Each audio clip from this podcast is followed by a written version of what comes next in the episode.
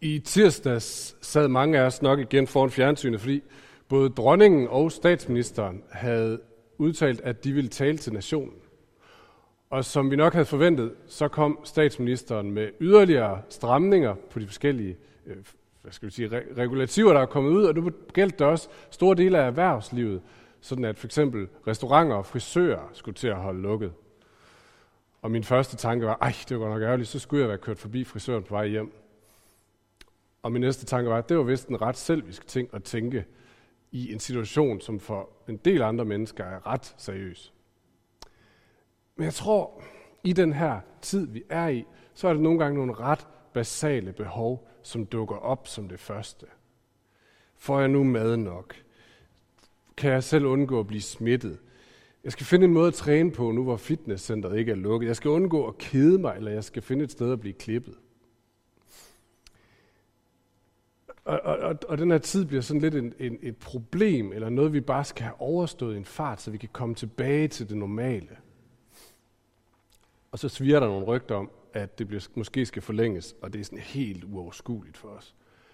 Det er sådan lidt, det er sådan lidt ligesom, hvis man er ude og gå, og gå i ørkenen, og skal bare igennem, skal bare ud på den anden side.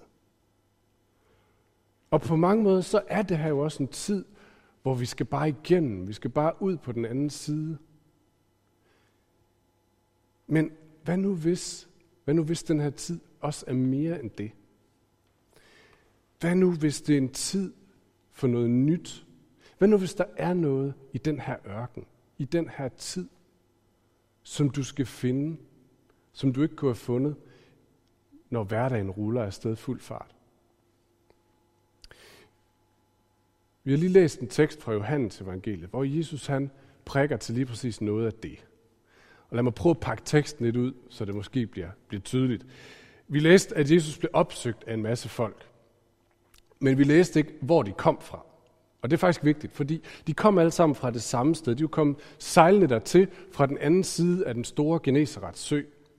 Der havde de dagen før alle sammen været på piknik med Jesus, hvor Jesus havde vist sig som den helt fantastiske vært, der både havde sørget for at undervise dem, og havde sørget for mad til dem alle sammen, da han tog en lille drengs madpakke og forvandlede den til et festmåltid til de der mindst 5.000 mennesker, der var til stede. Og øh, det må sige at være noget af en vært. Så folkeskaren blev ret hurtigt enige om, skal vi ikke prøve, om vi kan få ham her, Jesus, til at blive vores konge?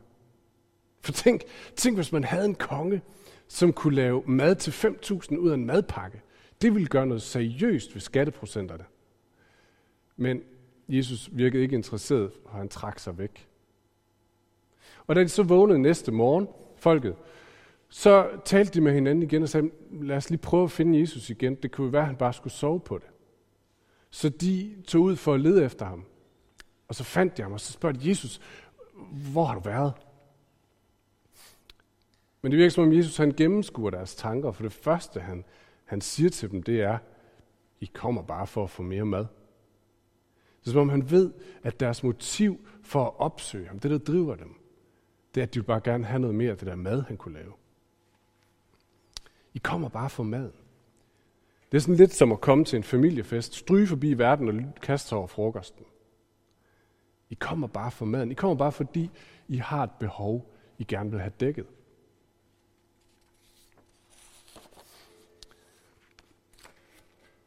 Ifølge de gamle kirketraditioner, så er vi lige nu midt i det, man har kaldt fasttiden.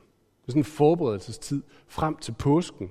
Og fasten handler egentlig om at sådan gøre sig fri af nogle af de ting, som vi normalt sådan udfylder vores umiddelbare behov med.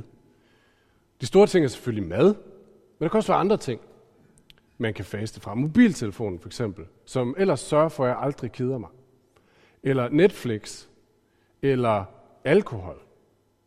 Og når vi tager de ting væk for en periode, så opstår der et tomrum, en sult, og vi oplever en længsel. Og det er en tid til at tænke og til at mærke efter. Hvem er det egentlig lige, jeg er?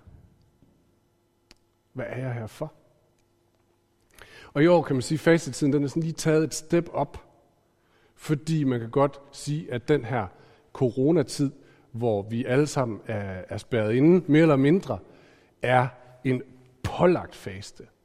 Så rigtig mange af de ting, vi plejer at fylde vores liv ud med, er nu blevet taget fra os, og vi bliver efterladt med det her tomrum. Vi føler en mangel. Måske ligefrem en længsel. Spørgsmålet, tænker jeg, som teksten i dag gerne vil stille os, det er, hvad gør vi så ved det her tomrum? Sidste søndag, der talte vi om, at Jesus han inviterer os til at komme til ham med det tomrum. Til at, til at give det til ham, til at bede, og til at bare øse vores hjerters ærlige tanker ud foran ham. Det vil han gerne høre. Men i dag, så følger der et spørgsmål. Og det bliver lidt en tak mere udfordrende. Fordi spørgsmålet er, er vi bare ligesom flokken, der kommer løvende tilbage til Jesus, og vil bare gerne have noget mere mad? Og vi er så optaget af, at vi mangler vores umiddelbare ting, at vi faktisk glemmer at høre, om han har noget mere, han vil os.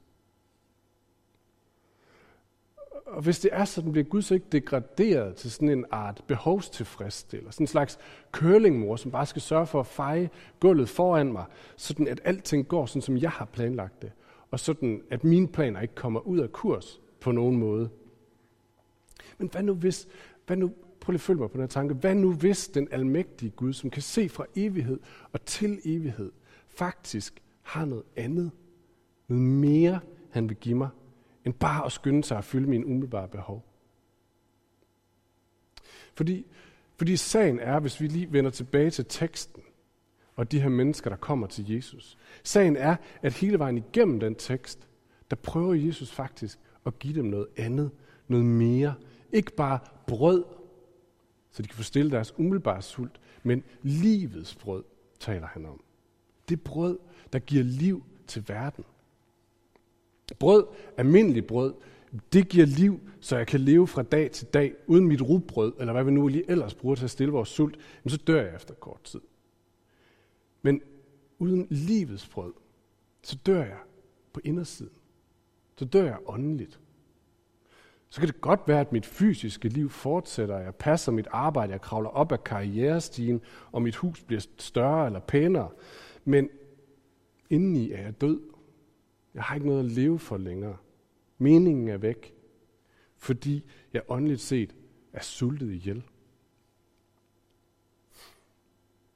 Jeg tror, jeg tror, det er en af grundene til, at den her coronakrise opleves så udfordrende for mange af os i vores stenrige vestlige verden, er, at vi er blevet så vant til utrolig store mængder brød.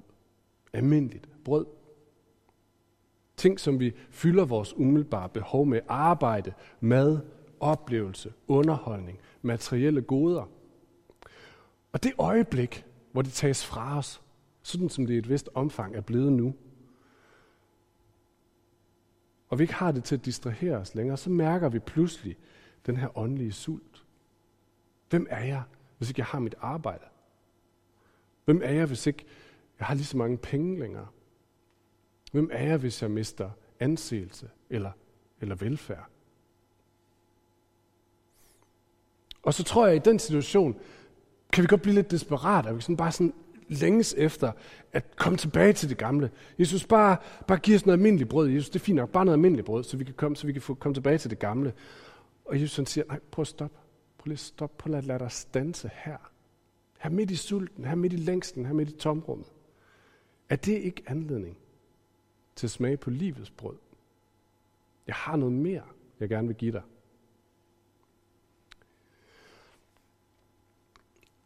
Og jeg skal komme tilbage til om et øjeblik, hvordan er det, vi så får fat i det her livets brød. Men inden det, så er der noget andet, jeg lige er nødt til at sige. Fordi, hvad så med vores umiddelbare behov? Er Jesus bare ligeglad med dem? Er, har han ikke omsorg for dem? Er det bare sådan, at jeg har nogle fysiske behov, og Jesus som prøver på at give mig nogle åndelige svar? Eller hvad? Det tror jeg faktisk ikke. Det tror jeg faktisk ikke. Prøv at lægge mærke til, da Jesus mødte flokken dagen før, så var det på hans initiativ, at folket fik mad at spise. For han kunne se, at de var sultne, stod der. Så han beder dem om at sætte sig ned. Han finder maden frem. Han serverer mad for dem, fordi han kan se, at de er sultne. Et andet sted, der taler Jesus om, at en, en rigtig god far vil jo ikke give sine børn en sten, hvis de spørger efter mad, efter brød. Fordi Gud som vores himmelske far, han ved, hvad vi trænger til. Han opfører solen for at sørge for os. Så jeg tror absolut, han kender vores fysiske behov, vores umiddelbare behov, og at han er optaget af dem. Men, men jeg tror måske også, og det gør, at det bliver en lille smule udfordrende. Jeg tror måske også, at når han fornemmer, at vores øjne er helt blændet til af vores umiddelbare behov, så tillader han måske, at noget af det daglige brød, det bliver holdt tilbage for en tid, så vi kommer i kontakt med vores egentlige spørgsmål. Hvem er jeg? Hvad er det, der er vigtigt? Hvor hører jeg til? Fordi de spørgsmål længes han efter at få lov til at besvare. Gud han har meget mere dybde, end vi nogle gange rundt og har. Og han længes efter at give noget af det til os. Han længes efter at give os livets brød, håbets brød, meningsfuldhedens brød, sandhedens brød. Han vil give meget mere end bare bringe os tilbage til sådan, som det var. Så hvordan, hvordan får vi det her livets brød? Jeg lovede at komme tilbage til det spørgsmål. Flokken stillede faktisk det samme spørgsmål den dag. Og Jesus svar var til dem, jeg er livets brød. Den, der kommer til mig, skal ikke sulte, og den, der tror på mig, skal aldrig tørste. Så Jesus giver dem ikke sådan et eller andet syv trin til et helt liv, en enkelt guide. Nej, hans svar er en person, ham selv. Det er en relation. Det er svaret. Snak med mig, siger han. Råb til mig. Lyt til mig. Vent på mig. Det er meget, meget enkelt, lyder det til. Og meget, meget svært. Det koster ikke noget som helst. Og så koster det alt. Fordi det eneste, jeg skal, det er at fortælle ham det, som jeg er fyldt af. Måske læse om ham i evangelierne. Måske lytte og vente på, hvad han gerne vil mig. Det er meget enkelt. Og samtidig så er det så svært. Fordi det betyder, betyder samtidig, at jeg må lægge mine behov for styring og kontrol i mit eget liv bag mig. Jeg må overgive mig til, at der er noget, der er større end mig. Der er en, der er større end mig, som har hånd om mit liv, og som jeg har brug for. Som jeg nogle gange har desperat brug for. Og det at skulle acceptere det, det kan være svært. Så i en krisetid som den her, hvor vi kommer i kontakt med vores egen skrøbelighed, at vi behøver ham, så er spørgsmålet, vil vi så også lade ham komme til? Hvis du vil, hvis det her det resonerer noget hos dig, så vil jeg gerne opmuntre dig til at lade dig stands op i den tid, vi er i.